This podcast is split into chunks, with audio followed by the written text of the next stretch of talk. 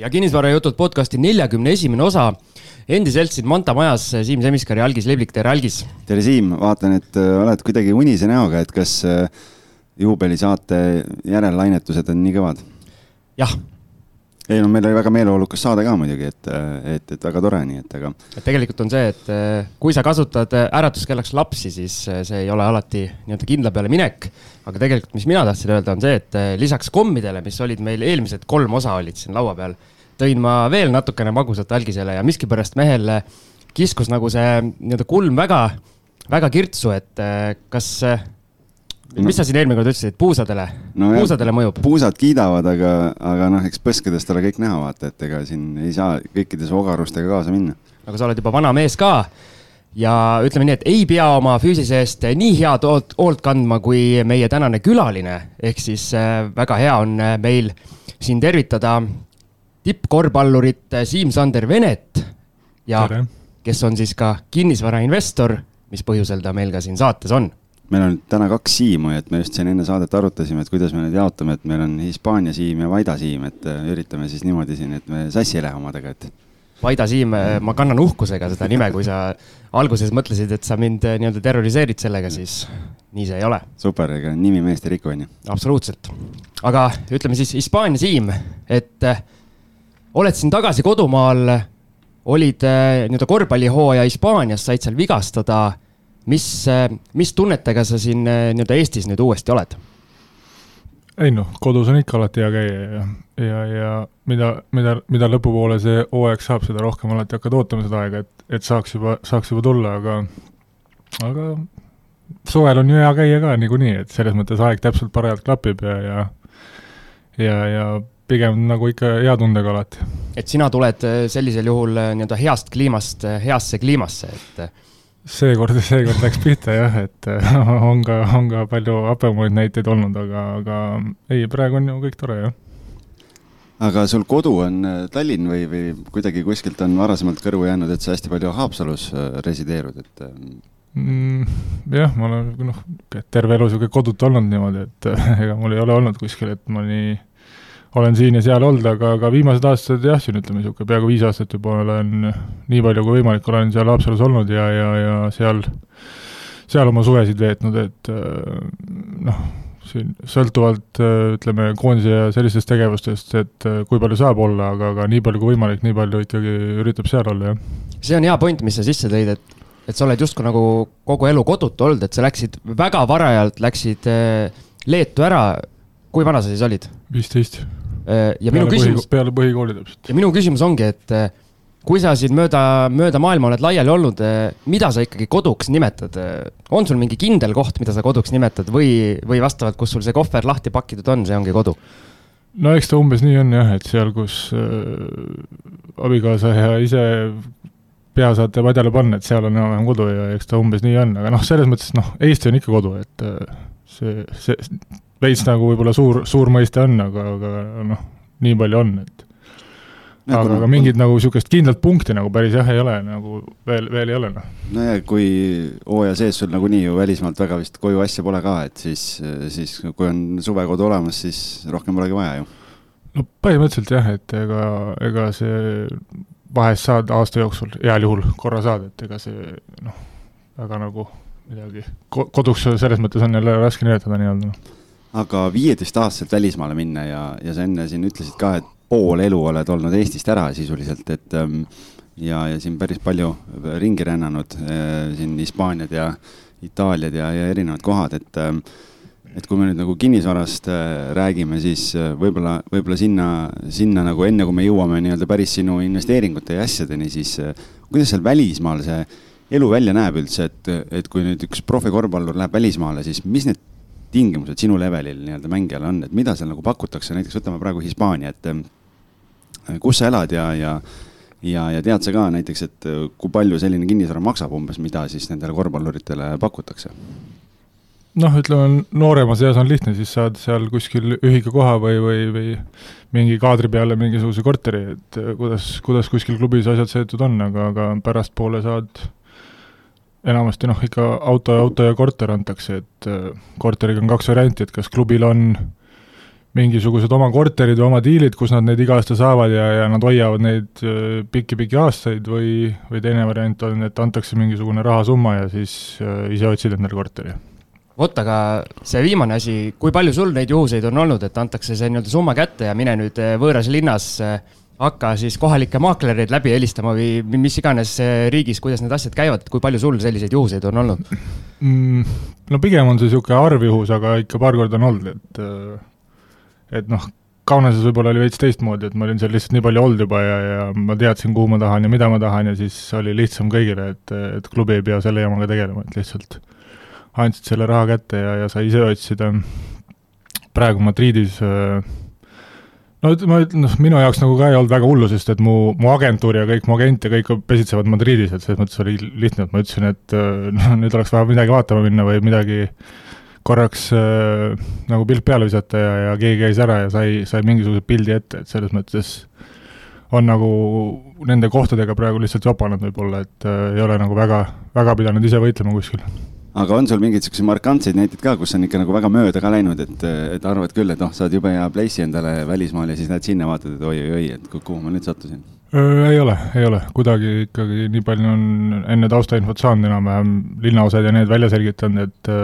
et ei, ei ole bussu pannud, aga. Aga tuleme siis juba selle investeerimise juurde, et millal millal sinu jaoks äh, see investeerimine nii-öelda relevantseks muutus ja kas see algas kohe kinnisvarast või on sul muud varaklassid ka olnud? ma arvan, et kõige esimene vist oli ikkagi aktsiad olid, tulid vist enne, enne, enne kinnisvara, et see oli esiteks äh, lihtsam välismaalt äh, teha ja läbi interneti ja, ja ja, ja väiksema summa pealt sai alustada ka liht-, lihtne põhjus, et aga nad, ma arvan, et see umbes tuli suhteliselt ühel ajal, niisugune mingi kaks tuhat neliteist, kaks tuhat viisteist kuskil. aga kust see teadmine sul tekkis üldse, et vot nüüd peaks hakkama investeerima, et kas pudrumehed läksid nii suureks, et vaatasid, et pangakonto hakkab nagu täis saama ja on kuskil raha vaja ära panna või, või kust see tõuge sai alguse? ja, ja pangast helistati, et roh-, rohkem ei mahu ei äh,, ei tea, kuidagi on äh, suhteliselt äh, noorest peale on olnud niisugune et kui, ma ei tea, vanaema tõi komme, siis ei, ei söönud kõike ühe korraga ära, vend pani enda omad ära ja pani minu omad ka veel otsa tavaliselt ma mõtlesin, müüsid maha vennale poole. et äh, kuidagi on niisugune noh, nii-öelda nagu säästlik või niisugune, niisugune olnud, et, et jätan ikka homseks ka ja midagi niisugust ja, ja kuidagi see on nagu nagu kogu aeg kaasas käinud ja, ja mina, mingi aeg nagu hakkasid tulema mingid niisugused nagu halvad näited ka, noh, NBA-s ütleme, mingisugused korvpallurid, kes lähevad seal kaks aastat peale, peale karjääri lõppu lähevad pankrotti ja siis mul nagu kuidagi alati meeles hobis on olnud see Anton Volker oli niisugune mees, teenis mingisugune sada kakskümmend kolm miljonit äkki ja siis kahe aastaga oli pankrotis ja ma ei tea veel, veel kui paljudes halbades asjades, et kuidagi on nagu suht noorest peast olnud see mõte, et ma nagu see vend ei tahaks olla, noh. et, et prooviks kuidagi natuke paremini teha ja, ja ei tea, ma arvan, suhteliselt tegelikult see mõte hakkas kuskil suhteliselt noorelt, ma arvan, mingisugune seitseteist, kaheksateist, kui ma seal ikka noh, mingisugust juba raha sain natukene, et et midagi võiks temaga teha, aga ei olnud nagu teadmisi ja ei osanud kuskilt otsida ja siis lihtsalt pigem nagu venis sellepärast, et ma ei, ei julgenud ja ei teadnud, kuhu panna, et et, et noh, siis hakkasid mingid Roosaare raamatud tulema ja need ja siis sai nad natukene julgust sealt võib-olla. Aga kuidas sinu see nii-öelda kinnisvaraportfell alguse sai, mis su see esimene tehing oli? Ja ma enne veel küsin, et kas sul oli nagu kinnisvaraga varasemas elus selles mõttes kokkupuudet, kas eh, võib-olla vanemad midagi ostsid-müüsid, eh, nägid kõrvalt nii-öelda väiksena, ostsid endale kodu võib-olla enne üldse, kui sa investeerima hakkasid? Või su esimene, esimene kinnisvaraost oligi juba nii-öelda investeeringu eh, eesmärgil? Minu kinnisvaraost oli jah, pigem nii-öelda investeering ja, ja selline noh, mingil määral nagu omale nagu suveks nii-öelda mingisuguse koha otsimine, et ma ostsingi selle Haapsallu ja, ja ma hakkasin nagu seda vaatama ja siis vaatasin, et see noh, nagu läheb investeeringuga ka natukene kuidagi, et et sai enam-vähem kaks asja sobitada ja läksid kokku. aga ei, nagu ei olnud väga mingisugust kokkupuudet, ma ei tea, mäletan nagu kooliajast oli küll aeg-ajalt äh, heietasin mingisuguste klassivendadega, et äh, saaks kuskilt onu Semmilt selle korteri päranduseks, et siis oleks jube tore, aga ma ei, ma ei tea, kust need nagu mõtted tulid või või, või, või miks need nagu käisid, et aga, aga kuidagi nagu see, see on nagu peas või mõtetes olnud jah, millegipärast. aga kas aktsiad on siiamaani su portfelli jäänud äh, või oled äh, suuremas mahus või täielikus mahus nagu kinnisvara peale läinud, kuidas see, kuidas see suhe on praegu? ei, ikka, ikka hajutatus on ikka natukene, et äh, natuke siit ja natuke sealt, et, et et oled selline nii-öelda ideaalne ja tark investor? noh, ei usu jah et emotsioon peab kõik asjas olema. no see emotsioonid käivad asja kaasas, mulle, mulle alati meeldib, kui keegi ütleb, et ikka emotsioonide najal tuleb ka asju teha, aga aga mis see esimene asi oli, mis sa ostsid sinna, kui saladus ei ole, et sinna Haapsalusse? ta oli selline mm, ütleme, väike kahetoaline korter, mis tegelikult oli tehtud kaheks ühetoaliseks nii-öelda et noh, põhimõtteliselt sellised ütleme, kaks üürituba siis või sellist su-, suvituskorterit nii-öelda. ja, ja nendega siis vaikselt hakkasime läbi booking'u tegelema ja, ja vahepeal sai ise suvel seal oldud ja, ja, ja sellist kaks asja nagu ühel-, ühildatud, et kui sa ära olid Eestist, kes sul tegeles selle asjaga siis, et kui need bronnid ja asjad tulid mm,? Noh, nagu ikka, läbi, läbi tutvuste leidsin ühe sellise toreda tädi, kes, kes, kes siis aitas koristada ja hoidis seal silma peal, kui, kui, kui mingi mõni kraam külmaga õhku lendab või, või mõni niisugune jama tekkis, et et jah, leidsin ühe kohaliku toreda tädi ja. ehk siis sina alustasid kohe nii-öelda lühiajalisest üürist, et all in'i kohe? jah põhimõtteliselt lihtsalt juhtus nii jah, et kuidagi plaanis üldse ei olnud tegelikult, aga kuidagi ta nii läks jah. ja mis sealt edasi sai, et lähme nii-öelda kõigepealt lõppu ära, siis tuleme võib-olla tagasi, et mis su, mis sul seal portfellis kinnisvara mõttes praegu on ja kui suur see on mm,? noh, ma räägin äh, nagu meie vormis, selles mõttes mul paljud asjad on sõbraga koos, et, et teeme sõbraga koos, et siis on lihtsam ja julgem nii-öelda aga noh, seesama korter on, mingi aeg ostsime sellise suurema veel maatüki, kus oli kaks maja peal, need lammutasime ära praegu. praegu natukene on pooleli seal asjad veel nii aja, aja ja koroona ja kõikide asjadega seoses, et mõtleme täpselt, kuidas ja mida seal edasi teha ja, ja mõned garaažid on ja ja, ja nüüd ostsin veel Tallinnasse ka lõpuks ühe korteri, et et praegu vist, vist on nii palju, viis, viis objekti nii-öelda vist äkki kusjuures algis, ma ei tea, kas meil on käinud keegi saates, kes äh, on garaažides äh, nii-öelda panustanud või investeerinud, et äh, ei ole kusjuures, et tegelikult see on omaette kindel sihuke nišš, millega osad tegelevad väga nagu päris aktiivselt ja suurelt, et, et hästi äge, et saame selle kohta ka küsida. ma võin öelda, mul on, mul on pandud nii-öelda koputajad peale, et omale sinna Jürisse üks, üks garaaž hankida, kuna ma tean, milline defitsiit seal on nii-öelda garaažide osas ja see üüri, nii-öelda üürisoove on meeletult, aga keegi ei taha välja üürida garaaže ja siis äh, mul sattus äh, üks kuulutus, äh, poole aasta jooksul üks koputus tuli, ehk siis üks garaaž pandi müüki ja jäin helistamisega kümme minutit hiljaks, helistasin umbes pool tundi pärast kuulutuse üles tulemist ja jäin juba kohe ilma. sihukest ühe sõõriku eest tasuta head nõuannet tahad või? noh. kasuta sedasama taktikat, mis Vaida korteriga, et mine pane, ma arvan, sinna pane iga ukse garaažide peale, peale, kusjuures see on tegelikult hea mõte. lipik, sellepärast ma, ma arvan, väga paljud nendest garaaži omanikest ei tea Facebookidest, KV-dest, asjadest mitte midagi, et ja võib-olla seisab niisama seal. see on päris hea mõte, ma annan kõik need sõõrikud, mis ma täna kaasa tõin, annan sulle elagu suvi. aga Siim, äh, Hispaania Siim siis, et kus äh, need sinu garaažid on? ei, Haapsalus ikka mul, jah, kõik asjad on, kõik asjad on Haapsalus praegu peale selle ühe Tallinna korteri, jah. aga siis on äkki Haapsalu Siim? Nojah. suvel küll, jah Hispaania või Haapsalu enam-vähem noh, sihuke üks ja sama onju, aga, aga see maalapp, mis te ostsite, need kaks maja olid siis mingid sellised äh, täiesti mm, nii-öelda amortiseerunud ja oligi vaja maha lükata või, või mis see tagamaa seal on? meie jaoks nad olid täiesti amortiseerunud ja läbud, aga muinsuskaitse jaoks nad olid täiesti korralikud majad aga, aga ei, nad ikka olid jah, nii et äh, ikka palgid olid läbi ja, ja olid ikkagi väsinud, üks oli ikka katus sisse vajunud ja, ja sellist jama oli ka seal, et. aga kui muinsuskaitse mängus on, siis reeglina on asjad üsna keerulised, et kuidas teil õnnestus lõpuks siis ikkagi niimoodi, et te saite maha võtta need? aega läks, aga asja sai, et äh, ka ikka seda, seda vestlust ja, ja suhtlust oli seal äh, omajagu ja, ja see võttis, võttis aega küll aga minu küsimus on hoopis, et kuidas selline diil, äh, mingi maatükk, kus on mingid vanad majad, mis on veel nii-öelda muinsuskaitse silma all, et kuidas selline diil äh, sellise nii-öelda algaja investori lauale üldse jõuab mm,? kinnisvaraportaalist aa, et see oli avalikus pakkumises? ja, ja, ja kusjuures oli väga pikalt ja, ja me vaatasime ja mõtlesime igasuguseid, igasuguseid variante, et äh, kortereid ja asju ja vaatasime, et see kuidagi pikalt seisab ja suhteliselt okei hinnaga oli ka, ta on niisugune nagu hästi ebakorrapärane krunt on ja, ja sealt natukene võib-olla, eriti kuulutusest jäi nagu niisugune vale arusaam võib-olla asjast, et tegelikult oli see palju suurem, kui see piltide pealt üldse tundus ja, ja ja need majad olid ka nagu veel, veel ühes otsas, mis ots oli nagu hästi kitsas ja siis see tundus, et seal on kõik jube kokku pressitud, aga tegelikult, tegelikult teises otsas oli nagu päris palju vaba ruumi veel ja, ja seal oli ka nagu noh, kõva heinamaa ja õunapuud olid ka veel peal, et sinna tegelikult päike ei paistnud ja ei näinudki väga, et et sõber käis ära, vaatas üle ja, ja, ja siis tundus, et sealt tegelikult, tegelikult saab asja küll, et, et kui seal teha, et noh, muidugi projekt iseenesest on jah suur, et võib-olla tagantjärgi öeldes, et võib-olla kohe nii suurelt poleks pidanud minema peale sellepärast ongi veel siiamaani niisugune pooltegemise, ütleme, või otsustamise järgus, et kui suur see krunt on? ta on peaaegu tuhat kuussada. korralik. kes, jah, ja suht kesklinnas ka, et kas sinna tuleb üks, äh, üks mõnus äh, selline üürimaja arendamine, et meil siin äh, viimastel külalistel on see päris, päris kõvaks teemaks olnud? Siimu puhkemaja või? plaanis noh, midagi sellist peaaegu oli jah, et, et, et lõpuks noh, kuna ta on nii-öelda ikkagi selles, mitte esimeses selles muinsuskaitsealas, aga miljööväärtuslik see ala või kuidas teda nimetatakse, et ja, ja seal on äh, palju nii-öelda eramajasid, siis nagu kortermaja või niisugust ei lubatud ehitada, et äh, et saime kaks, kaks paarismaja nii-öelda sinna peale teha, et äh, aga veel, veel ei ole jõudnud nii kaugele.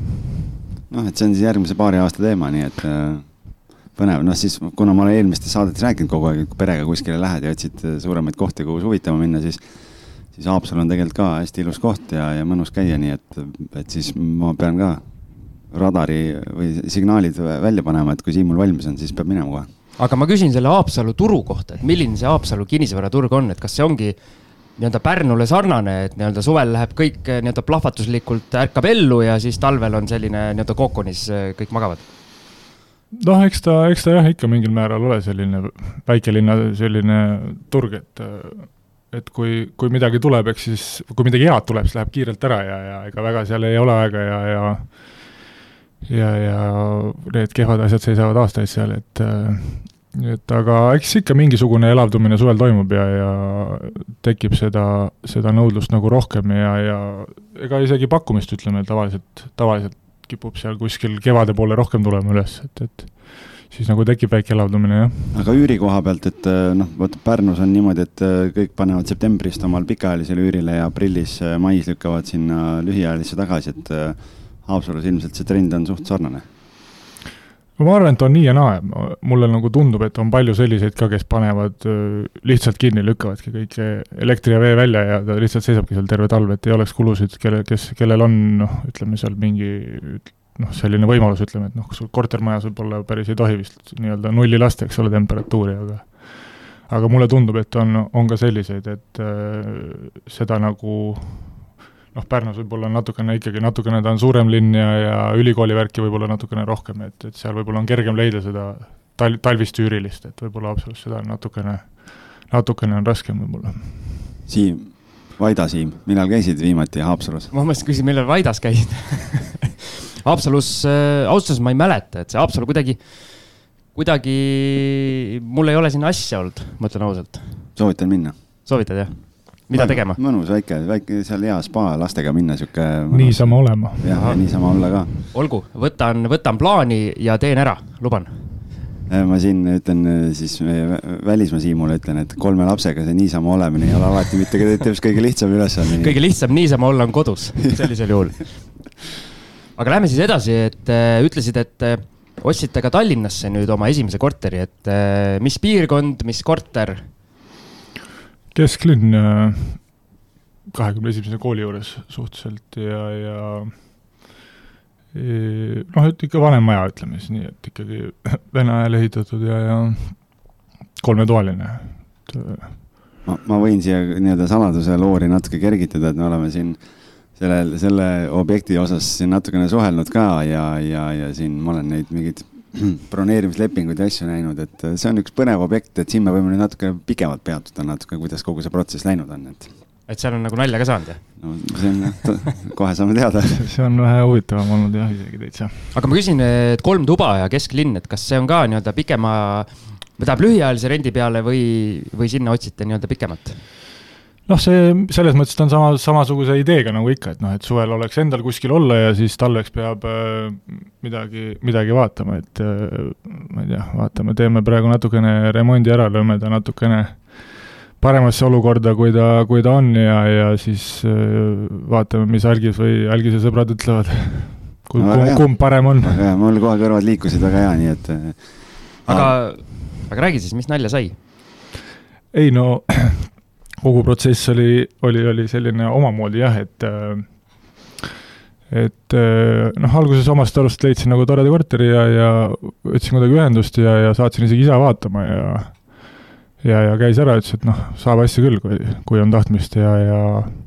hakkasin siis rohkem maakleriga suhtlema, aga no esimene läks kohe, läks nihu juba, helistasin ja siis ei võtnud ja teist korda helistasin ja ei võtnud ja siis mingi aeg siis saatsin sõnumi ja siis ütles, et pane jah email, et eh, ei jõua telefonidel tegeleda umbes või midagi sellist. ja siis eh, vahetasime seal päris pikalt email'e, aga need olid kõik niisugused, algusest peale oli selline, ma ei tea, kuidagi niisugune nagu mõru maik oli juures või see suhtlusviis nagu oli niisugune imelik ja, ja ja siis eh, lõpuks veel tuli see, et küsis veel jah, viis tuhat kohe nagu broneerimistasu, mida ei olnud võimalik mitte kunagi tagasi saada, et noh ma ei olnud nagu päris kindel, et kas see, kas see nagu sinna müügihinnas veel ka veel siis või ostuhinnas nagu ka sisaldub või ei sisaldu üldse, et või annan lihtsalt selle käest ära, et. Siim küsis mu käest, et kuule, et kas ma võin sulle selle broneerimislepingu saata, et vaata üle, siis ma ütlen, et ma nii ühepoolset broneerimislepingut pole mitte kunagi näinud, et seal oli nagu noh. ühelauseline. põhimõtteliselt oli ka kaks või kolm rida ja kõik, et maksad ära ja tagasi ei saa ja forget ja kõik nagu noh. äkki see oli see nagu... raha, et ta hakkab siis su kõnesid vastu võtma? võib-olla, võib-olla, et see oli juba omamoodi, ühesõnaga siis ma me isegi saime selle nagu, selle summa lõpuks väiksemaks, aga siis seal tuli mingi järgmine jama, ma ei mäletagi enam. Nad ei tahtnud panka saata seda hindamisakti ja, ja enne, kui see on makstud ja no ühesõnaga seal igatpidi hakkas see peedistamine, ütlesin ma selge, et äh, ma ei taha, et ma ei mina ma, soovitasin, et ära osta, et kuule, et ma ütlesin, et see kõik, kogu see asjaajamine on nii kahtlane, et ma ütlesin, ma ei, ma ei kujuta ette, mida nad seal nagu match ida üritavad, aga nagu ma ütlesin, et mõtle igaks juhuks üheksa korda järgi noh, vees ostis ära ikka. Ja, ja siis äh, jah, ma ütlesin, et, et noh, et kurb, et sellised maaklerid on, aga et ma ei taha tegeleda sellise asjaga, et, et võite omanikule öelda, et kui omanik leiab kellegi teise maakleri, et siis võib-olla on ostja olemas ja siis saame edasi vaadata, et aga et praegu, et nagu ei läheks selle asjaga edasi ja siis ma nagu juba noh, nii-öelda juba oma peas nagu loobusin, et eh, noh, nagunii ei, ei osta seda ja, ja vaatasin edasi ja, ja mingi päev järsku helistas mingi tädi, ütles, et eh, tere, et tahtsite korterit osta. ütlesin, et jah, ja hakkas ka kohe midagi rääkima ja ennast ka ei tutvustanud nagu ja, ja rääkis ja rääkis, ma küsisin lõpuks, et kas te olete pangast või te olete maakler või kes te üldse olete? Miks te helistasite mulle, et? Ja siis tuli välja, et jah, et vähemalt tema ütles, et tegelikult on üldse algusest peale tema seda korterit müünud, et see eelmine maakler oli lihtsalt kogemata umbes vahel kuskil ja, ja ja mingi niisugune värk oli seal ja ka siis äh, noh, ta nagu tegi, selles mõttes ta tegi asju korralikult, mina tea, asjad hakkasid liikuma ja, ja kõik asjad nagu toimisid ja, ja ja, ja jõudsime ikkagi notarisse ja tegime ostu ära, aga siis, siis seal nagu no ma ei tea, mis kaader see on, kuidas nad omavahel neid asju on ajanud, aga igatahes see, see, ma ei tea, mul on tunne, et see maakler ei ole siia, selle päevani ei ole veel oma, oma tasusid kätte saanud ja see, see nii, vist nii-öelda saigi üle, ma arvan. kui kaua sellest möödas on tehingust huh,? üle kuu ikka juba, jah. huvitav on see, et kuidas maakler nagu raha kätte ei saa, et noh, tavaliselt käib nagu notar ju kannab lepitakse kokku ja, ja saab ju notar kannab otse, et aga. oota, ei saanud raha lõpuks see maakler, kes äh, reaalselt sulle selle ära müüs või see, kes. see naisterahvas. okei okay ma arvan, et see esimene vend sai lõpuks raha, kes, kes ei müünud, ma arvan, et see läks niipidi, mulle iga, kuidagi nagu kõikidest nendest juttudest tundub nii, aga ma päris kindel ei ole. see on hea, vaata, kui sa oskad orgunnida niimoodi, et teised teevad töö ära ja sina korjad raha, no mm. -hmm. aga, aga ilmselt äh, nii-öelda sellised objektid võib-olla in investoritel ongi head, kus äh, tehakse kõik, et mitte, mitte korterit maha müüa ja lõpuks äh, just see investor, kes viitsib, viitsib mõelda ja ajada ja see, see lõpuks saab. Lähed võiduka lõpuni välja ikka. no ma tahaks loota, et see läheb niipidi, et see, et sealt veel mingisuguseid järgmiseid tsir tsirkuse asju välja ei kooruks. aga ma saan aru, et see saaga tegelikult äh, selle maakleri koha pealt ei ole lõppenud, et võib-olla räägime, räägime, ma, ma küll ütlesin enne, et ma, ma väga ei tahaks seda teemat puudutada, kuna aga, aga noh, kuna natukene naljakas ka, eh, kuidas asju aetakse. kuulajatel on eh, kindlasti naljakas. siis eh, võib-olla äkki sa räägid sellest ka, et mis nüüd edasi on saanud siis? et sa ütlesid, et sulle no, tundub, et ta pole raha kätte saanud. et täna, tänaseks on natukene rahulikum juba, aga, aga jaa, üks sihuke, ma ei tea, ma arvan, kaks-kolm nädalat oli küll, peaaegu iga päev oli sihuke kaks-kolm kõnet, sihuke kümme kuni viisteist minutit, et et kuidas omanik ei maksa talle raha ja, ja et kuidas tal ikka on raske ja kõik värgid, noh ja, ja mingi aeg vaikselt niimoodi küsis, et äkki, äkki ma saaks ikka ise ära maksta selle ja niisugune paar nädalat peale korteri ostu küsis ja, ja siis nagu väga ei olnud nagu sellest meelitatud sellist, sellisest pakkumisest ja siis äh, noh, need kõned nagu käisid ikka edasi samamoodi ja, ja noh, ma, ega ma võtsin vastu ka, kui ma sain, aga selles mõttes noh, ühtepidi nagu inimlikust aspektist nagu on, äh, on kahju ka, et ta nagu niimoodi üle sai, noh, või et aga, aga teistpidi nagu noh, ei puutunud otseselt üldse minusse see asi, et mina ju ei, ei võtnud maaklerit endale ja aga, aga siis äh, mingi hetk ta jah, küsis, et järsku te saate omanikuga pooleks teha selle, selle makse nii-öelda, et, et tal oleks vaja ka mingeid arveid seal maksta ja midagi ja, ja noh, ma ütlesin, et noh, et ma nagu ikkagi otseselt nagu ei peaks nagu selle asja eest maksma, aga, aga noh, samas kui omanik teile üldse ei maksa, et miks ta siis pool peaks maksma või et kus, kus ta siis järsku nüüd nii palju hästi läheb ja see omanik vist ei teadnud sellest pakkumisest ka midagi niikuinii ja, ja, ja ja siis lõpuks ta veel küsis laenu ka ja siis, siis, siis ma ükskord sain lõpuks veel ta nime uurisin kuskilt välja lõpuks, sest ta ise ei olnud mulle kordagi öelnud. siis, kui ta ükskord lõpuks laenu küsis või maksu, siis ta ühe korra pani meilile alla oma nime. ja siis ma natuke seda ka guugeldasin, siis seal oli ka niisuguseid huvitavaid asju ja siis ma ütlesin talle, et ma niisuguse taustaga nagu ei tahaks hästi laenu ka anda ja siis, siis ta sai mu peale pahaseks lõpuks aga kas see maakler reaalselt nii-öelda notaris ei käinudki siis? Äh? ei, ei, ei okay. selle omanik tegi peenelt ära, jah. okei okay.. vot, vabandust, ei noh, nagu ajab naerma küll, et äh, no mul on kahju, et, äh, et niimoodi asju aetakse, aga teistpidi nagu noh tuleb, tuleb osata nagu huumorit ka asjas näha, nii et, et omad vitsad peksavad. ei no aga selles mõttes tuleb au anda, et ta vähemalt oli ka nii-öelda üsna selline nii-öelda järjepidev, et kui ta sulle seal pidevalt helistas, et. aga kui ta järgmine kord helistab, soovita, las ta helistab selle teisele maaklerile, et võib-olla saab tema käest selle, selle raha kätte. Nad isegi seal suhtlesid kuidagi omavahel ja, ja seal, et seal neil oli vist väidetavalt veel, veel huvitavamaid kõnesid vist aga vähemalt nad olid suutnud panna nii-öelda kuulutuse üles, et see oli, see oli positiivne. jah, see oli võib-olla üks väheseid positiivseid asju kogu selle saare juures. ainus asi, mis õigesti tehti. aga, aga see korter ise, et on seal ka mingeid üllatusi välja tulnud või seal on kõik nii, nagu lubati ja paistis? Äh, midagi väga hullu ei ole, natukene nipet-näpet ikka midagi, et kuskil üks aknanurk natukene logiseb ja, ja, ja, ja noh, niisugune natukene midagi ikka on, aga aga noh, selles mõttes nagu, et kui sa esimene kord ütlesid, et ära jumala eest osta, siis ma mõtlesin, kurat, et mis, mis sealt veel võib tulla, aga, aga õn-, õn-, õnneks nagu päris nii ol-, nii hull ei olnud, et et noh, natukene noh, ega ma ostsin ta ju ka selles mõttes interneti teel, et ma ise kordagi kohal ei käinud, et selles mõttes natukene mingisugused ikkagi, et sain teada, et päris, päris nii lihtsalt ikkagi tegelikult asjad ei käi, aga, aga aga midagi nagu üle mõistuse hullu ei ole, ma ei tea, mingid äh, seinad ei ole kuskil teistmoodi ei jookse ja, ja ikka pildid olid samast korterist vähemalt aga see renoveerimisplaan, et on sul mingi nii-öelda töömees või brigaad äh, olemas, kes sul kohe peale lendas äh, ja juba teeb seda asja o? oli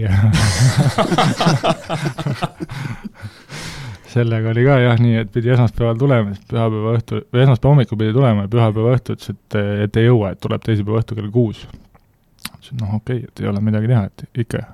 ehitajatel ka tihedad ajad ja värki ja, ja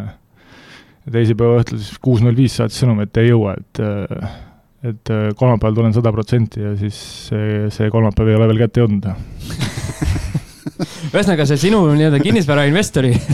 investori elu ei ole nagu väga lihtne olnud, et eh, igal rindel on ikkagi pidanud juba selliseid nii-öelda probleeme lahendama. Noh, eks neid ikka juhtub jah, et äh, eks see käib asjaga kaasas, vist tundub nii, noh. mees tuleb koju, ravib vigastust, siis peab kuidagi suve sisustama ju noh, siis vähemalt on põnev Õn. Õnneks on aega, jah. aga kuna Siim on suur mees ja jõi juba oma selle veeklaasi tühjaks, teeme väikese pausi, et saame selle klaasi ära täita ja siis räägime juba tulevikuplaanidest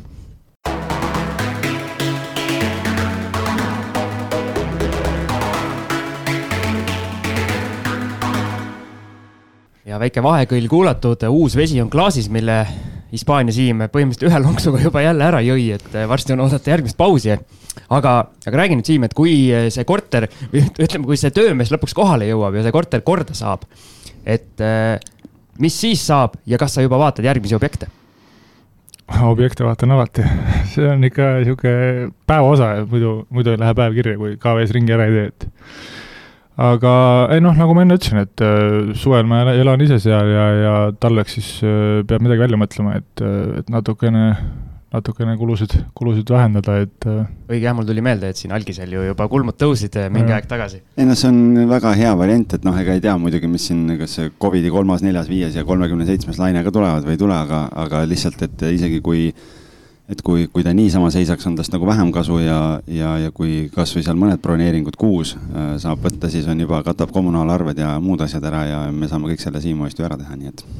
aga on su nii-öelda järgmine plaan siis äh, sealt Haapsalust äh, nagu rohkem siia kesklinna või, või ütleme Tallinnasse ja Tallinna kesklinna kolida või, või kus sa neid KV kuulutusi vaatad, üle kogu Eesti? ei, pigem ei ole, pigem see oli lihtsalt äh, mingil määral selle enda vajaduspõhiselt lihtsalt, et, et oleks Tallinnas üks punkt lihtsalt, kus, kus kus ei peaks ise vahepeal üüri maksma, et et äh, pigem on ikka jah, Läänemaa ja see sektor äh, on, on, on selle nii-öelda kõrgendatud pingu, pilgu all. aga siin äh, üks Eesti koondise endine raudvara Kristjan Kangur karjääri lõpuks kolis Pärnusse, et võib-olla sina ka tuled siin kolmekümnendate lõpus veel Eestisse mängima ja ma ei tea, kas meil nii-öelda Valga klubi küll enam ei ole, aga sealsamas Pärnus või Raplas või kuskil, et siis ka selline vajaduspõhine investeerimine viib sind ka teise Eesti, Eesti otsa kuskil no ei tea, ei tea jah, loodetavasti see veel niipea ei juhtu, et läheb vast ikka veel paar aastat aega ja, ja eks siis äh, saab vaadata ja, ja kui midagi muud üle ei jää, siis tuleb Haapsalusse lihtsalt klubi teha seal noortetöö käib ju, nii et äh, ma ei tea, kui, mis vanuseklassides ainult seal, kui, kui pikk maa seal minna on, et äh, seeme on olemas. noh, võiks parem olla, aga jah, midagi ikka liigub. no aga see ongi ju, tullakse nii-öelda välismaalt tagasi ja miks mitte, miks mitte klubi teha. Aga kuidas see garaažiturg seal Haapsalus, et, et mäletad sa ka, mis need garaažid maksid ja palju seal üüri äh, saab selliste asjade eest? Äh, noh, see algas nagu ka sellest kuidagi, et äh, tegelikult meil oli nagu sõpradega oli, mitu korda oli niisugune jutt olnud, et üks tuli, ütles, et kuule, võiks kahe peale korteri osta ja teine ütles, et kuule, võiks kahe peale korteri osta ja, ja midagi, et võiks vaadata umbes ja, ja siis mingi aeg olin kuskil laagris ära ja noh, nagu ikka päeval niisugune puhkehetk ja mõtlesin, et okei okay,, et noh, et panen siis mingisuguse nii-öelda grupivestluse kokku ja, ja vaatame, et kas siis palju nüüd siis tegelikult tahtjaid on ja, ja saatsin siis äh, laiali selle, et noh, et äh, võiks midagi vaadata ja ma alguses noh, mõte oli ikkagi Tallinnas ja mõtlesime, et tegelikult kuidagi oli nagu idee tekkis, et võiks alustadagi samamoodi tegelikult parkimiskohtadest üldse, et mitte garaažidest, vaid siin kesklinna parkimiskohtadest ja, ja mingitest väiksematest korteritest. aga noh, nagu ikka, siis üks ütles ei ja teine ütles ei ja ja kolmas ütles ei ja siis lõpuks ainult üks vend jäidki ja siis kahekesi hakkasime ajama ja siis äh, kuidagi jõudsimegi Haapsallu ja ja kuna ma vist juba enne olin selle ühe korteri ära ostnud, siis ja, ja veetsin oma suvesid seal Haapsalus, siis ja, ja, ja see turg nagu ei olnud seal ka veel nii, nii tõusma hakanud. et seal sai ikkagi noh, võrreldes Tallinnaga sai suhteliselt väikse siseindiga nagu alustada ja, ja, ja ja siis veel noh, garaažid on veel niikuinii kõvasti odavamad kui korterid, et see oli niisugune paras koht, kus alustada. Ja ühe ostsime ja, ja, ja kohe kuidagi tekkis veel teine kõrvale ja siis võtsime kohe kaks tükki ja ja ma täpselt ei mäletagi, kuskil niisugune kolme tuhande ringis, natuke alla, natuke üle, nad maksid seal äkki umbes ja, ja niisugune viiskümmend, kuuskümmend äkki saab seal üüri, et niisugune Pole paha, pole paha taotlus. Aga see garaaži üürimine on nii-öelda natuke erinev korteri üürimisest, nii palju kui mina tean, ma ei tea, Algis, kui palju sina kokku ma väga ei ole kokku puutunud. okei okay,, siis küsimegi Siimu käest, et Siimul äh, nii-öelda kogemused olemas, et kuidas see nii-öelda üürimise värk käib, et seal on ju lihtne, seal nii-öelda garaaži sa, sul nii-öelda puuküürnikku tekkida ei saa, et sealt tõstad nii-öelda rahulikult need, need asjad välja, kui vaja on ja. Jah, korra isegi oleme oleme ümber tõstnud ühed asjad natukene, aga, aga see õnneks lahenes kiiresti ka pärast seda, aga jah, vist otseselt äh, ei ole, selles mõttes ma ei tea, väga palju mingit jama ei ole olnud, et äh, seal mõned nagu viivitused on olnud, noh, eks ikka seal on ka niisugune natuke teistsugune kontingent võib-olla üürib neid garaaže, et äh, kes elavad suure tõenäosusega kuskil paneelmajas ja, ja kellel lihtsalt asjad ja noh, seal oli ka muidugi kõik vanametall, mida vist oli kuskilt linnast saada, seal oli seal oli kõik, kõik kokku veetud, aga aga, aga noh, ma ei tea, selles mõttes mingisugust nagu suurt seiklust või seda ei ole olnud, noh muidugi see kontingent, kes seal garaažide vahel liigub, see on nagu omaette, omaette kaader, aga, aga aga seal on ka normaalsed inimesed, kes käivad lihtsalt oma mingisuguseid talve- või suveasju hoidmas nii-öelda ja, ja ja midagi nagu, ma ei tea, väga koledat või hirmuäratavat seal nagu ei ole olnud. aga kui suur see üüriliste vahetus nende garaažis on, et on see nagu suurem kui võib-olla korteris pikaajalisel? Meil on mingi kas kolm äkki aastat olnud see või, või, või neli või täpselt ei mäletagi, aga samad on ikkagi, ei ole kordagi, kordagi vahetanud, nii et järelikult, järelikult vähemalt minu puhul nagu ei ole olnud. aga kui, kui selle kuulutuse üles panite, siis, siis oli huvi suur mm,? ei no nüüd tor-, tormi ei joostud, ütleme nii, aga, aga, aga suhteliselt kiiresti minu arust ta läks ikkagi ära seal, ma arvan, nädala-paariga äkki et, et väga kaua ei pidanud ootama. ja ma siin lihtsalt kasutasin võimalust, et mind need eh, nii-öelda garaažid ka korraks on nagu nii-öelda huvitanud, et eh, mõtlesin küsida. ma arvan, kui siin on hea üleskutse teha meie kuulajate hulgas, et kui meil on keegi, kes eh, nii-öelda suuremas mahus siin garaažidesse investeerimisega tegeleb, et siis hea meelega kutsuks saatesse, saaks ise ka targemaks ja Hispaania Siim saaks ka targemaks, võib-olla siis. kindlasti. Haapsalu garaaži kuningaks aga noh, ma praegu, kui ma mõtlesin sellel ajal, kui, kui ähm, Siim vastas siin, siis ma mõtlesin kogu selle portfelli peale, mis sul on, et seal on nagu noh, nagu sa enne ütlesid, et tuleb nagu riske hajutada, siis kui ma praegu mõtlen kõige, kogu selle portfelli peale, mis sul on, et seal on see maalapp, on ju, ja siis sul on ähm, korter ja garaažid ja need on Tallinnas ja noh, et see on ka ikkagi päris korralik hajutamine, et mis see kriteerium on üldse, millest lähtuvalt äh, sõbraga neid äh, kortereid otsite, et noh, praegu mulle tundub, et seal mingit ühist nimetajat on nagu suhteliselt raske leida. mina olen aru saanud, et ühine nimetaja ongi see enda vajadus, et kui äh, siin Eestis oled, et saaks, saaks ise vahepeal kuskil olla. jah, selles mõttes, et see hajutatus nagu ei ole teadlikult tekkinud või, või mingi hullu valikuga, see on lihtsalt pigem, pigem nagu hinna järgi läinud või kuidagi niimoodi, et noh, et mida, mis nagu tundub okei okay ja, ja kõikidele asjadele nagu kogu aeg silma peal hoitud, lihtsalt et et kus tekib midagi, midagi sellist, mida nagu, mida nagu võiks üldse mõelda ja, ja see on lihtsalt jah, nagu mingil määral vajadusest ja mingil määral ütleme siis hinna järgi kuidagi lihtsalt niimoodi kokku jooksnud, et et äh, ei ole jah, selline nagu teadlik valik, et, et seda nii mitme nii-öelda ringkonna vahel äh, jagada. aga mis nendest teistest sõpradest on saanud, kellega kunagi oli, oli juttu, et on nad kuidagi tagasi pinnale ka imbunud, ütlenud, et kuule, et äkki ikka võiks või, või olidki, jäidki jutumeheks ja sa rohkem pole neid vaibale võtnud ja öelnud, et, et ei huvita? ei, selles mõttes nad punti rohkem ei ole tahtnud tulla, et äh, me oleme kõik sõbrad elust edasi ja, ja kõik on okei okay,, aga ei, eks nad on, kes omale mingi kodu ostnud ja midagi, et selles mõttes äh, kinnisvara juurde mingis mõttes nad on kõik jäänud, et mõnel on üks, mõnel on kaks korterit, aga, aga midagi neil on ikkagi olemas. meil käis ähm, kolmekümne kaheksandas saates jah, käis üks äh, noorpaar äh, Tartust, kus äh, nad teevad terve perega koos ja, ja seal on ka õde ja, ja mõlemalt poolelt seal isad ja kes seal kõik olid seal nii-öelda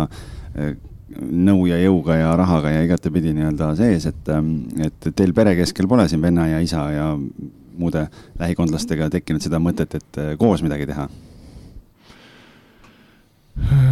ei, niimoodi otseselt ei ole jah, et aga noh, eks ta mingi, mingil määral ikka on niisugune pool nii-öelda pereäri selles mõttes, et äh, kuna mind poole ajast ei ole ja kui kuskil on tulekahju, siis äh, esimene kõne läheb ikka perele niikuinii, et et aga niimoodi otseselt äh, midagi suuremat niimoodi ei, ei, ei ole, jah. aga räägi, meil ühes saates mina numbritega nii hea ei ole kui Algis, kuskil kuskil Taamaal ühes saates käis meil Eesti jalgpallikoondises mänginud Albert Prosa, et ja tema käest küsisime, kui palju Eesti jalgpallurite hulgas on eh, nii-öelda kinnisvarainvestoreid või investoreid laiemalt, et aga räägi sina, kui palju Eesti korvpallurite hulgas on eh, investoreid ja, ja kes siis ka kinnisvarasse investeerivad, et kui näiteks koondis kokku saab, kas riietusruumis eh, üürikinnisvara peale ka kunagi jutt on läinud mm,? vanemate mehe, meeste vahel läheb vahest jah aga, aga noh, ütleme, ma arvan, et natukene on võib-olla noh, nagu kogu Eesti selle üldise tasemega, et neid natukene ikka on juurde tulnud, et äh, keegi midagi nokitseb ja, ja coinidega on ju äge tegeleda praegu ja ja, ja ja eks neid äh, natukene ikka ole, et aga, aga noh, kinnisvara ikkagi on suhteliselt selles mõttes suure sisendiga, eks ole, et, et, et need vastu on pigem, pigem veidi vanemate, vanemate vendade teema, et aga noh, eks ikka alustatakse selles mõttes oma kodust või, või mingisugusest korterist, et, et kes siis jõuab teiseni või kolmandani kuskil, et eks neid mõned on ka, aga aga paljud jõuavad sinna kas napilt enne karjääri lõppu või, või siis peale karjääri lõppu. aga räägime siis äh, nii-öelda välismaa tippklubidest, kus sa oled olnud, et seal on oluliselt rahakamad mängijad äh, kindlasti kõrval kui siin Eestis sul. et äh, kuidas seal on? Seal on ka kangemaid mehi jah, et, et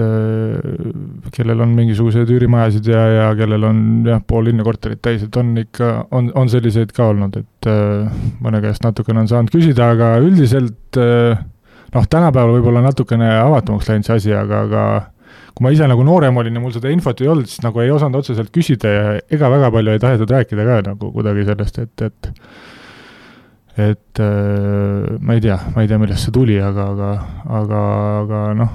nüüd on nagu natuke paremaks ja avatumaks läinud see asi, et äh, ma ei tea, võib-olla teadlikkusest ja kõigest sellest. me oleme ise siin läbi ja lõhki, noh, meie küll Siimuga siin nii-öelda tugitooli tasandil või Siim kaamera taga äh, pilte tehes, aga noh, eks see on igipõline nali olnud, on ju, et sellel ajal, kui, kui mõistust jagati, olid sportlased olid trennis, on ju, et, et pigem nagu küsimus selles suunas, et kuidas kui sa mõtled nagu üldiselt praegusel taseme peale, et kui noh, sa ütlesid ise ka, et infot on rohkem ja, ja kõik see pool, et kui, kui sa praegu mõtled selle klubi peale, kus sa praegu oled või varasemalt, et,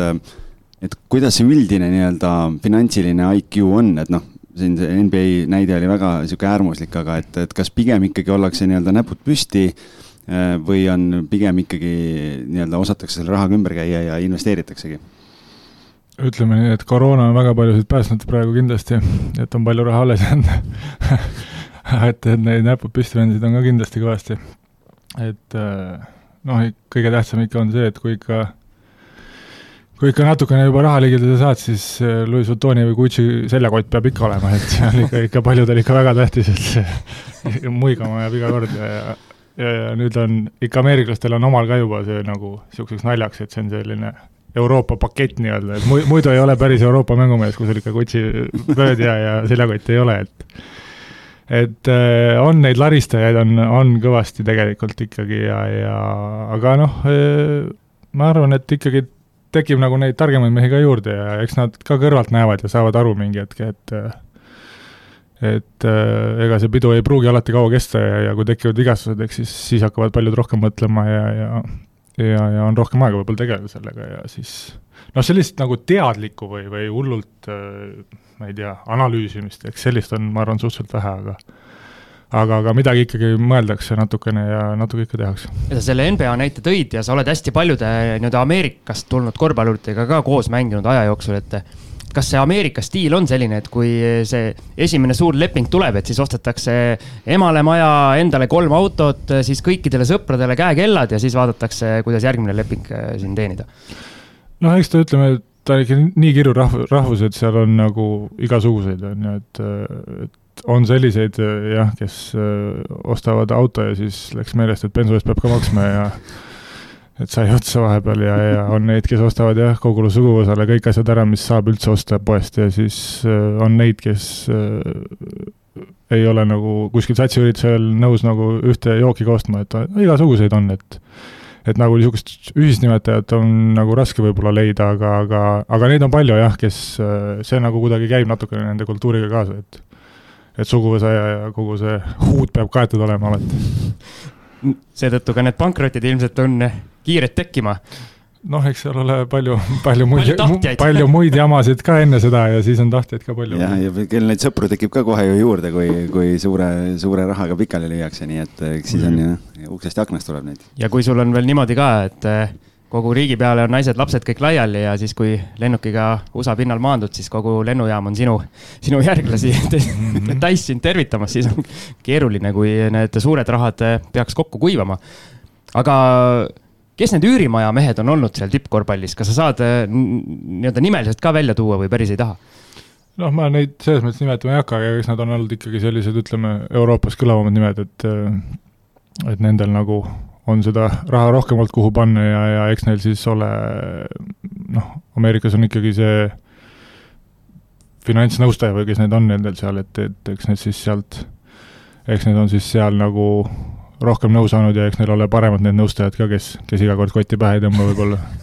Aga kas seda ei ole, ma just mõtlengi klubide tasandil, et noh, et nii-öelda üks noh, ma ei tea, spordipsühholoogia või selle osa, noh näiteks, et kui sa ikkagi tuled ja saad head lepingud ja asjad, et, et kas klubi poolt kuidagi ei suunata või ei kasvatata nii-öelda mängijaid, et noh, et ei ole vaja kohe vaip hakata omal endal jalge alt ära õnnestama või see on ikkagi igaühe enda oma vastutus? no võiks olla tegelikult ja, ja noh, ütleme, et ega see spordipsühholoogia pool ise, ise, isegi on tegelikult, on ta ikkagi noh, ma ütleks suhteliselt õnnetu, et korvpalli poole pealt vähelt, et vähemalt, et äh, ega väga palju ei ole kohanud ja, ja et noh, mingisugust finantsnõustamist või, või noh, kas või mingisugustki arutelu, ma ei tea, võib-olla korra on olnud äkki üldse karjääri jooksul äkki, et keegi on kuskil midagi rääkinud a la, et ärge raisake, aga noh, see on ka põhimõtteliselt niisugune, et noh, et noh, üritage säästa ja kõik või midagi niisugust, et sest on paratamatu ju noh, kui keegi ikkagi nii-öelda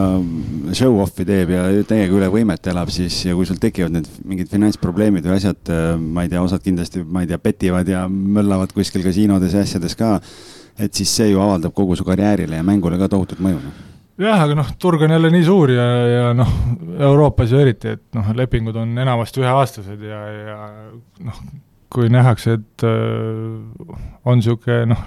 lihtsalt öeldes tont, siis noh, on tont ära, kannatame selle ühe aasta ära ja las ta siis läheb, et äh, et ega seal klubi nagu paljudes kohtades noh, ei ole nagu seda ka seda suurt visiooni või kuidagi, et noh, et kasvatame nüüd inimesi, et noh, selles mõttes ta on ikkagi äri nii-öelda ja, ja ja mäng käib võidu peale ja, ja kui sa võidu ära tood, siis on tore ja kui sa ei too ära, siis oledki see tont ja, ja võtame järgmise ja kogu lugu, et selles mõttes noh liialt nagu keegi nüüd, eriti nagu ütleme, kuskil seal väiksemates klubides ei, ei pane oma energiat selle, et sellesse panustada. nii palju, kui ma tean, siis NBA-s on täitsa selline programm olemas, et kui uustulnukad liigasse tulevad, et siis äh, on väike sihuke nii-öelda tutvustus ka, et kui te nüüd suure, suure nii-öelda mammuna peale saate, et siis äh, ärge päris kohe oma nendele nõustajatele maksma hakake ja nii edasi, et ühesõnaga tehakse mingi programm noortele, aga näha on, et päris äh, alati sellest kasu ei ole. et parim investeering, mis sa saad teha, on see, et maksa pool oma nõustajale ära. jah, aga minu küsimus, Siim, et kui sa nii-öelda kindlasti oled karjääri jooksul hästi palju nii-öelda lepingu lägi, lepingu läbirääkimistes olnud, okei okay,, sul teeb agent ilmselt kõik asjad ära, aga ikkagi nii-öelda ütled oma sõna sekka, et kas see on kuidagi aidanud kinnisvara ostul ka, et võib-olla lähed ja seda hinda kauplema, et siis äh, need nüansid on võib-olla ka siis äh, agendi abil vähe selgemad, et kuidas äh, hea läbirääkija olla? Türgi turul on, Türgi turu see praktika on palju parem seal, et, et noh, ma ei tea, minimaalselt võib-olla, et ega ta nüüd jah, et ise nagu seal ju ei käi klubiga vaidlemas seal mingite asjade üle, et kui et selle jaoks ju agent ongi ja, ja tema teeb neid asju, et noh, ise räägid nagu, saad nagu rahulikult oma agendiga asjad läbi räägitud ja natukene nagu diskussiooni pidada, aga selles mõttes mingiks vaidluseks või midagi selleks ei, ei pea minema, et et see on tema rida ajada ja, ja selles mõttes ma arvan, et sellest nagu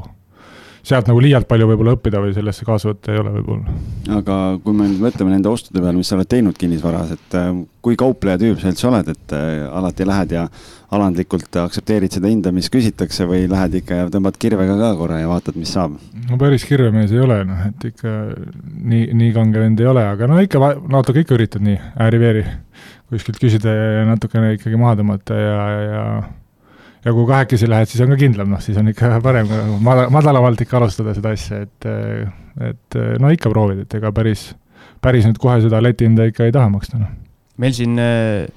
seesama Tartu noorpaar käis äh, ülihea mõtte välja omas saates, et äh, nemad teevad niimoodi, et üks pereliige läheb ja pakub selle kirvehinna ja siis äh, hiljem minnakse peale selle hinnaga, millega ollakse nõus ostma ja siis sellele müüjale justkui psühholoogiliselt võiks tunduda, et oh, et oluliselt parem pakkumine tuli ja siis võib-olla võetakse vastu, et kas sina sõbraga ei ole sellist taktikat kasutanud? ei ole nii palju aega olnud jah, et mitu, mitu korda käia, et kuidagi kuidagi ei ole nii kaugele jõudnud, et aga noh, ei tea, eks peab proovima võib-olla. Siim paneb kõrgemat pilotaaži ikka, ta ei käi kohalgi, vaata, ta teeb tehingu no, seal e-notaris ära ja kõik on korras, et. ja siis suhtleb maakleriga hiljem kuid aga mis su nii-öelda pikemaajalisem plaan näiteks, kui ükskord ikkagi see tippsportlase karjäär eh, tahes-tahtmata läbi saab, et. Eh, loodame, et mitte niipea veel. jah ja et oled sa mõelnud, et äkki nii-öelda kinnisvara ongi see valdkond, kuhu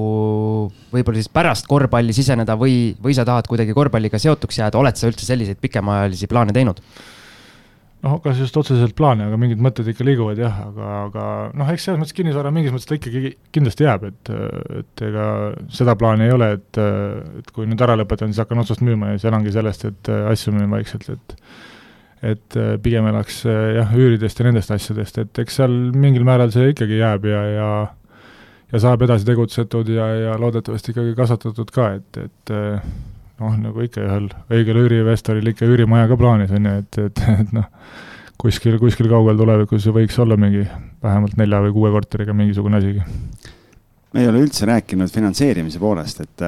et noh, ma saan aru, et välismaal teenivad tippsportlased on nii-öelda kulla ja karraga nii-öelda üle kaetud, on ju, aga, aga kuidas teil see finantseerimise pool on sõbraga siin äh, tehtud, et kui suurt võimendust te kasutate? me ikka oleme võtnud ka jah, et päris ei ole kõik ise pannud ja, ja ja noh, nagu ikka, et ega ettevõttele selles mõttes on ju, ju, ju raskem saada, kui sa midagi kõrvalt ei tee ka, et et nii palju, kui saab, nii palju, nii palju oleme võtnud ja, ja eraisiku nii-öelda kodulaenusid kasutanud ja asju, et et midagi ikkagi oleme, oleme võtnud ja midagi, midagi ikka ise ka pannud. oh, see on päris huvitav küsimus tegelikult, eraisiku kodulaenul, kui sul ütleme nii, et profisportlase amet ei ole kõige nii-öelda kindlam töö ilmselt ja ka pank vaatab natukene selle pilguga, et noh, et üks aasta tuleb sul palk Hispaaniast, üks aasta tuleb Itaaliast. Kreekast ei tule üldse. jah Kreekast küsida ja midagi ei saa. et äh, kas on nagu pangale nii-öelda pidanud seletama ka, et mis värk on või, või sa oled ikkagi sellise kaliibriga sportlane, et pank nagu mõistab ja saab aru? Sealt, kus ma laenu sain lõpuks, seal oli umbes jah nii, et, et ikkagi enam-vähem teati, kes tuli ja, ja mida küsis, et aga, aga noh, ütleme kunagi ma läksin esimest korda omale krediitkaardi tegema, siis äh, ma küsisin pangast selle nagu tädi käest, et mis ma nüüd siia ameti panen siia ja siis ta siis ta küsis, et mis tööd te teete? Ma ütlesin, korvpalli mängin. Ja siis ta küsis uuesti, et aga mis tööd te teete? Ja siis ma ütlesin, et ikkagi mängin korvpalli. Ja siis ta küsis, et kas teil mingit päris tööd ei olegi? Ja siis, ja siis äh, lõpuks jõudsime sinna, et tädi ei osanud midagi öelda, ütles, et pange siis spetsialist. Ja siis nii jäi. aga jah, oma ala spetsialist. Aga ei, laenuga või noh, ütleme nagu eluasemelaenuga nagu selles mõttes väga, väga jama ei olnud, et, et saatsin oma lepingu ära ja, ja sellest neile enam-vähem piisas, et nad ikkagi said aru, et et äh, kuskilt mingid asjad laekuvad ja, ja, ja. saadad enne, saadad lepingu ära ja siis tuli uudis, et Siim sai vigastada ja siis intress muutus kohe, et no päris nii õnneks ei olnud, jah. aga mind huvitab alati sportlaste puhul, et kas äh, kuidas nagu vaimselt see tunne on, et jälle a la kui sul on ühesed lepingud siin Euroopas väga nii-öelda tavalised, et äh, jälle on see suvi käes, hooaeg on läbi ja siis paar, paar-kolm kuud on järgmise hooaja alguseni ja siis äh, sa põhimõtteliselt ei teagi, mida, või tähendab, kus sa need asjad pakid ja septembris lahti pakid, et äh, kui raske see on? piisavalt nüri. et noh, pakkimine ise on juba, juba nii, nii, niivõrd nüri tegevus, et seda mitu korda aastas teha on päris, päris mõnus, et aga noh, ei, ikka on, et eks ta, eks see on üks niisugune, ma ei tea, söövamaid või niisuguseid rusuvamaid osasid, et noh, eks see su-, suve esimene pool on natuke rõõmsam ja siis, kui see suve lõpp hakkab lähenema ja midagi ei ole, et siis siis ajab juba higistama küll, et aga, aga noh, samas on nagu see, mis käib nii-öelda ametiga kaasas ja, ja see on üks osa sellest elust, et et neid, kui, kui lõpetad ja sul kohe on mitu tükki laual, et ega neid liiga palju ja liiga tihti ei ole, noh aga noh, sul on nüüd kaheaastane leping ja üks aasta on veel ees, et, äh, et kui sul nüüd noh, lihtsalt huvitav teada, et kui, kui tekib selline vigastus, et noh, ma ei tea, kui Siim käib, äh, käib Aidas äh, kuskil traktori peal tööl on ju ja ta murrab jalaluu ära ja tööle tagasi läheb, siis tõenäoliselt nagu palka sellepärast nagu ümber rääkima ei hakata, aga kuidas profikorvpalluritel on sellega, et nüüd, kui kui tuleb keset hooaega mingi vigastus ja sa enamus hooaega oled väljas, et kas siis minnakse kuidagi numbrite kallale ka kohe või? Väiksemad klubid lähevad rohkem ja suuremad lähevad vähem, ütleme, et noh, eks ta ikka käib nii, kuidas vastavalt võimalustele, et äh, ja, ja kellel on kindlustused tehtud, nendel ei ole hullu, nad saavad kindlustuselt selle raha ja kellel ei ole, eks need siis üritavad rohkem vinguda ja, ja midagi teha, et äh, aga noh, see on selline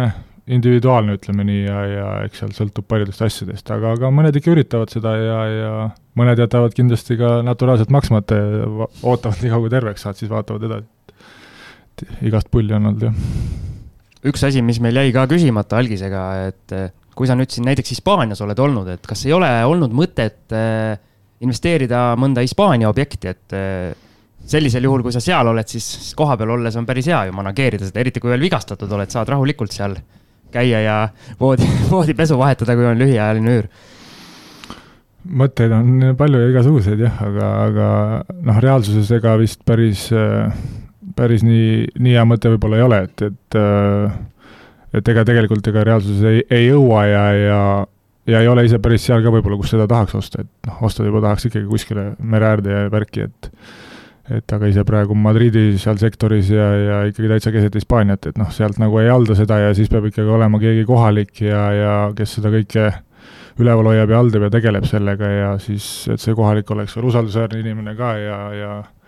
need Hispaania seadused ka veel, teil vist oli ka siin saates, kus räägiti sellest, et võib rahulikult sisse minna elama, et et kõik need niisugused asjad, et äh, noh,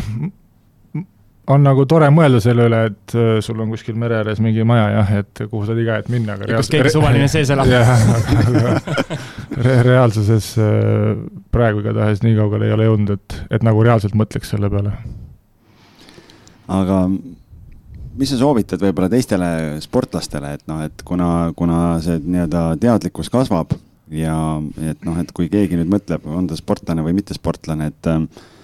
et kui, kui ta võtab hoogu, et alustada, siis mis sinu nõuanne on, mida tegema peaks? no vana ja kuldne nõue on, on ikka see, et hakake varem peale. Aga, aga noh, ikka, ega tasub ikkagi õppida ja natuke selgeks teha, et noh, et isegi kui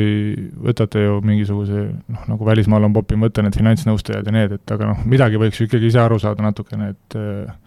et vähemalt mille, mida see finantsnõustaja nii-öelda sulle räägib või, või, või noh, et nagu ise nat-, natukenegi saaks aru, mis selles valdkonnas toimub ja, ja mis seal mingisugused spetsi-, spetsiifikad on, et äh, lugeda tasub kindlasti ja, ja, ja ja, ja kindlasti teistega rääkimine, et äh, mida rohkem räägid, seda ikkagi enda mõtteid saad kinnistatud ja, ja, ja tuleb uut infot peale, et et need võib-olla on kaks niisugust lihtsamat asja sina, Siim, jäid väga mõttesse kohe siin. ma jäin mõttesse ja, ja mõtlesin just selles plaanis, et äh, nii-öelda Siim, sul on ka nii-öelda karjääri, ütleme siis, äh, no me oleme siin paar korda juba öelnud, et ikkagi millal see otsa saab ja nii-öelda lõpuaastad äh, tiksuvad, et kas sa ei ole mõelnud olla just nagu Eesti, Eesti koondises või Eesti korvpallurite hulgas näiteks see, kes aitab seda finantskirjaoskust nendele noortele, meil on ju hästi palju nii-öelda andekaid noori, kes ilmselt päris heade palkade peale siin äh, järjest minemas on või on juba, et äh, neile seda finantskirjaoskust vaikselt seal riietusruumides nii-öelda peale raputada? no selles mõttes, kui keegi mult küsima tuleb, siis mul ei ole raske vastata, et ma ikkagi nendega üritan vahepeal rääkida midagi, aga, aga noh, eks neil natukene ole sama viga, et nagu mul omalgi oli, et ei oska täpselt küsida, et ei tea täpselt, kust, kust seda küsimust võtta ja mille kohta täpselt küsida, et äh, on olnud mõned isegi arutelud selle üle, et võiks midagi teha ja, ja kuidagi natukene seda tõsta, seda teadlikkust, aga, aga kuidagi on see ka soiku jäänud ja noh, ma ütlen, kui ennast nagu ei ole ka poole ajast, siis nagu on seda raskem nagu kuidagi ellu ka viia ja et mingisugused nagu jah, arutelud või mõtted on olnud, aga, aga praegu nagu väga kaugele ei ole jõudnud, kas ma võiks olla, noh iseenesest äh, jah, mul ei oleks kahju, kui neil läheb paremini, aga aga teistpidi ma ei ole võib-olla ise ka nii tugev, et ma võiksin kellelegi hullult nõu anda, et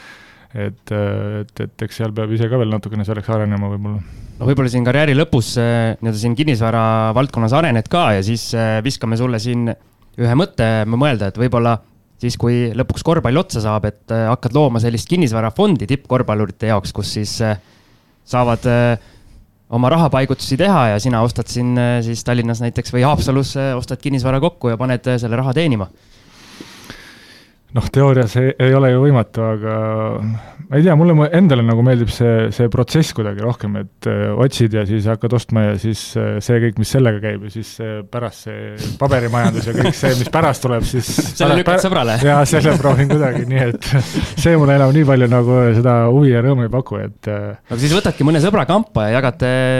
need asjad ära, et sina oled see mees, kes käib mööda põldu, ehk siis korterite no, uksi nagu, kulutamas ja siis nagu sõbrad koondis, määrivad paberid. koondises ja klubides on äh, alati noored ju pannakse rätikuid ja vett tassima, et noh, siis võtad äh, sinna ka kõrvale kellegi, kes, kes selle töö ära teeb. sest ju sellise fondi puhul ma eeldan, äh, kõige tähtsam on see usaldus ja respekt ja siis ma, ma arvan, et Eesti korvpallurite hulgas usaldusväärsemat meest äh, on raske leida, kes no, teistele noortele võiks. koondise kapteniks ei saa vist. absoluutselt, jah noh, eks seal natukene peab seda numbrimajandust ja kõike seda asja ju, ju, ju ka natukene tundma ja ma ütlen, ega ma seal nagu selles mõttes noh, ma saan aru, mille, miks ja kuidas, mis asjad käivad ja, ja kõik sellest poolest, aga noh, et ma ei istu kuskil aruannetes ja hullult seal ei lappa ja mölla ja arvuta, et, et et eh, noh, ma ei tea, kas ma nüüd just fondi juhiks otseselt nüüd, eh, nüüd, nüüd sobiksin. no sina oled see rahakoguja, teised teevad musta töö ära. noh, jah, võib-olla mingil määral jah. aga räägi, kui sa siin eh, nii-öelda KV-d lappad, sa ütled, et ükski päev pole täiuslik, kui ei saa KV-sse minna, et kas sul on praegu siis nii-öelda see nii-öelda kuiv püssirohi valmis, et kui midagi head silma jääb ja maakler võtab selle telefonikõne vastu, et siis oled valmis järgmist objekti ostma? No päris niimoodi nüüd no, natukene võtan vahepeal rahulikumalt, et äh, see eelmise korteri remont on vaja ära teha ja, ja, ja taastuda sellest äh, action'ist, action'ist, mis vahepeal oli, et, et äh, vahepeal jälle kogume natukene ja, ja mõtleme ja vaatame, et, et mis sealt tuleb ja, ja see maatükiga on meil natuke pead murdmist, et, et kuidas seda ja mida edasi teha täpsemalt, et panime ta isegi korra praegu müüki, et vaatame, et kas, kui äkki keegi tahab ära võtta, et siis saab saab kuidagi teistmoodi edasi liigutatud et eh, noh, selles mõttes mõtteid ja, ja tegevust praegu on, et, eh, et, et otseselt kohe homme midagi ei pea ostma.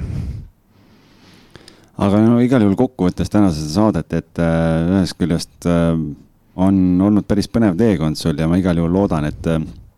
et sinu see kinnisvara impeeriumi ülesehitus saab olema äh, sama, äh, sama edukas, kui su korvpallurikarjäär on olnud ja, ja noh, eks nii nagu korvpallis ka, kui aeg-ajalt vigastused tulevad, eks kinnisvaras on samamoodi neid tagasilööke, nii et lihtsalt oluline on siis nii-öelda korralikult välja ravida ja, ja õppetunnid kaasa võtta ja edasi teha, igal juhul äh, ma soovin omalt poolt sulle edu ja, ja loodame, et su korvpallikarjäär ka ikka veel viis pluss aastat vähemalt saame, saame nii-öelda kaasa elada, nii et, et on veel omajagu minna no ma loodan, et on jah, et noh, viisteist aastat on olnud välismaal, et äkki peab kakskümmend välja kuidagi, et siis on nagu vähemalt ilus number, et et eks saab näha ja siis äh, saab rohkem võib-olla jälle kinnisvara peale energiat suunata äkki. aga ma siia nii-öelda lõppu küsin ikkagi sellise nii-öelda lokatsiooni küsimuse ka, et sa siin karjääri lõpus oled pigem sellistes mõnusates kliimades olnud, et Hispaania, Itaalia, et kas näiteks äh, tagasi Venemaale või miks mitte siia Leetu või veel kuskile põhja poole, et kas äh, sinna paned kohe rasvase ei eh, kiirelt ära? ei, rasvast ei, ei ole, et eks, eks mingi number ikka tõmbab et aga, aga eh, noh, ühtepidi on nagu see, kaks asja käivad nagu koos, et hea kliima ja, ja tugev liiga, et eh, seal nagu Itaalia, Hispaania puhul selles mõttes see, see asi nagu mõlemal puhul päädib ja, ja see on nagu need nagu täiendavad üksteist, et selles, selles mõttes on nagu seal ka olla, et Hispaania on nagu kindlasti number üks ja seal nii nagu minu jaoks elukoha poolest kui ka, kui ka, kui ka liiga poolest, et selles mõttes see läheb hästi kokku, et et aga noh, ei tea ju, mis, mis, põhimõtteliselt ei tea, mis hommegi juhtub, et võib-olla öeldakse, et klubi läks kinni ja kogu lugu, et, et ega see profisport on ju nagu ta on, et seisab ikkagi suhteliselt habrastel jalgadel tavaliselt, et, et noh, eks, eks saab näha, et mingit kindlat teid kuhugi ei ole, no aga Kreekas on ka ju hea kliima ja tugev liiga, aga seal vist on muud probleemid. seal on igast muud nalja vist jah saab, et seal. seal võib päris hea numbri saada pa lepingus. paberi peal on ilus number tavaliselt seal jah, aga aga, aga seal on jah, teised, teised mured. aga see ongi päris nii, et nagu jäetaksegi maksmata seal on ikka palju neid jah, Türgi ja Kreeka on vist päris, päris pikalt seal ees, eesotsas need, mis arbitraaži kohtusse jõuavad, et seal need numbrid on päris suured vist jah. aga sul karjääri jooksul ei ole kunagi olnud vaja hakata kuskil sisse nõudma midagi? hetkel on väga lähedal veel ootan, et aga otseselt veel, veel ei ole jah, õnneks, et äh, võlgu jäädakse peaaegu alati igal pool või noh, selles mõttes, et mitte võlgu, aga, aga jäävad hiljaks nii-öelda ja venivad väga pikalt, et et äh, neid, kus on paar aastat oodatud, et neid kohti on ka ja, ja aga, aga Lep-, lepingus mingi intressipunkt ka on, et äh, kui hiljaks jääd, siis tiksutage ikka rohkem? ei ole, et äh, lepingus on tavaliselt mingisugune päevade arv, et kui, kui, kui jäävad nii palju päevi hiljaks, et siis võib ära minna, aga tavaliselt hiljaks jäävad ju viimased kaks kuud, siis kogu aeg on läbi juba. siis on juba ammu ära läinud tegelikult, et et tavaliselt see kipub nii olema, suhteliselt ühe mustriga minema, et aga enam-vähem ikkagi lõpuks, lõpuks enam-vähem tilgub, tilgub tagasi, eks palju sõltub agendist, noh et kui agent ikkagi suudab, suudab need asjad korda ajada, et eks siis saab ju. Ja, ja kindlasti alguses tuleb ka natuke tööd teha, et kuhu sa lähed ikkagi, et nagu kinnisvaragi puhul, et, et mida sa ostad, noh et aga kas äh, siis, kui need rahad äh, kipuvad hiljaks jääma, kas sina oled äh, nagu see maakler, kes sulle iga päev helistas mitu korda, siis agent tõstab, tõstab toru ja helistab klubisse iga päev? no eks mina töötan agent ja siis agent töötab edasi klubi jah, et eks ta umbes nii käib see ring, et. Siim helistab, ütleb, kuule, mul on notar järgmine nädal, et millal raha tuleb. kandke raha üle. tee midagi aga ma arvan, siia on hea joon alla tõmmata, mõnusalt üle tunni aja meil siin eh, vestlus käis suur,. suur-suur tänu, eh, Siim Sander, et said meil saatesse tulla. ja mina tänan algist, et eh, olite valmis taas minuga seda juttu siin puhuma. mul on alati tore, nii et väga, väga äge ja mul on hea meel, et, et kaks Siimu olid laua taga, nii et seda juhtub tõenäoliselt esimest ja viimast korda meil saate jooksul, aga, aga. mine sa tea, Siim on selline, selline tore nimi, et. noh, Siimu jah, kui me siin mõtleme jah, viimsed reliikvid ja kõik asjad, aga. ma arvan, et algist me ei saa kunagi saatesse, teist algist siis Eestis on äh, üksteist algist äkki, nii et mine tea. Nendest keegi pole kinnisvarainvestor, ma arvan. siis kutsume Leedust kellegi noh Brasauskase või?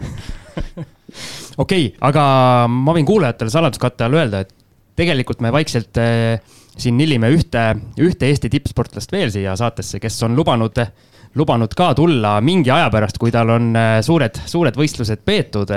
ehk siis äh, loodame, et see asi saab kunagi teoks. no meil neid. algis Moheles siin. no meil jah, neid äh, nii-öelda sportlasi, endisi aktiivseid või, või endisi selliseid sportlasi, kes investeerivad, tegelikult on Eestis omajagu ja, ja eks me üritame tööd teha, nii et neid meie siia mikrofoni taha saada. aga veel kord tänud Siim Sandrile ja meie kuulajatele ilusat suve. ja olge terved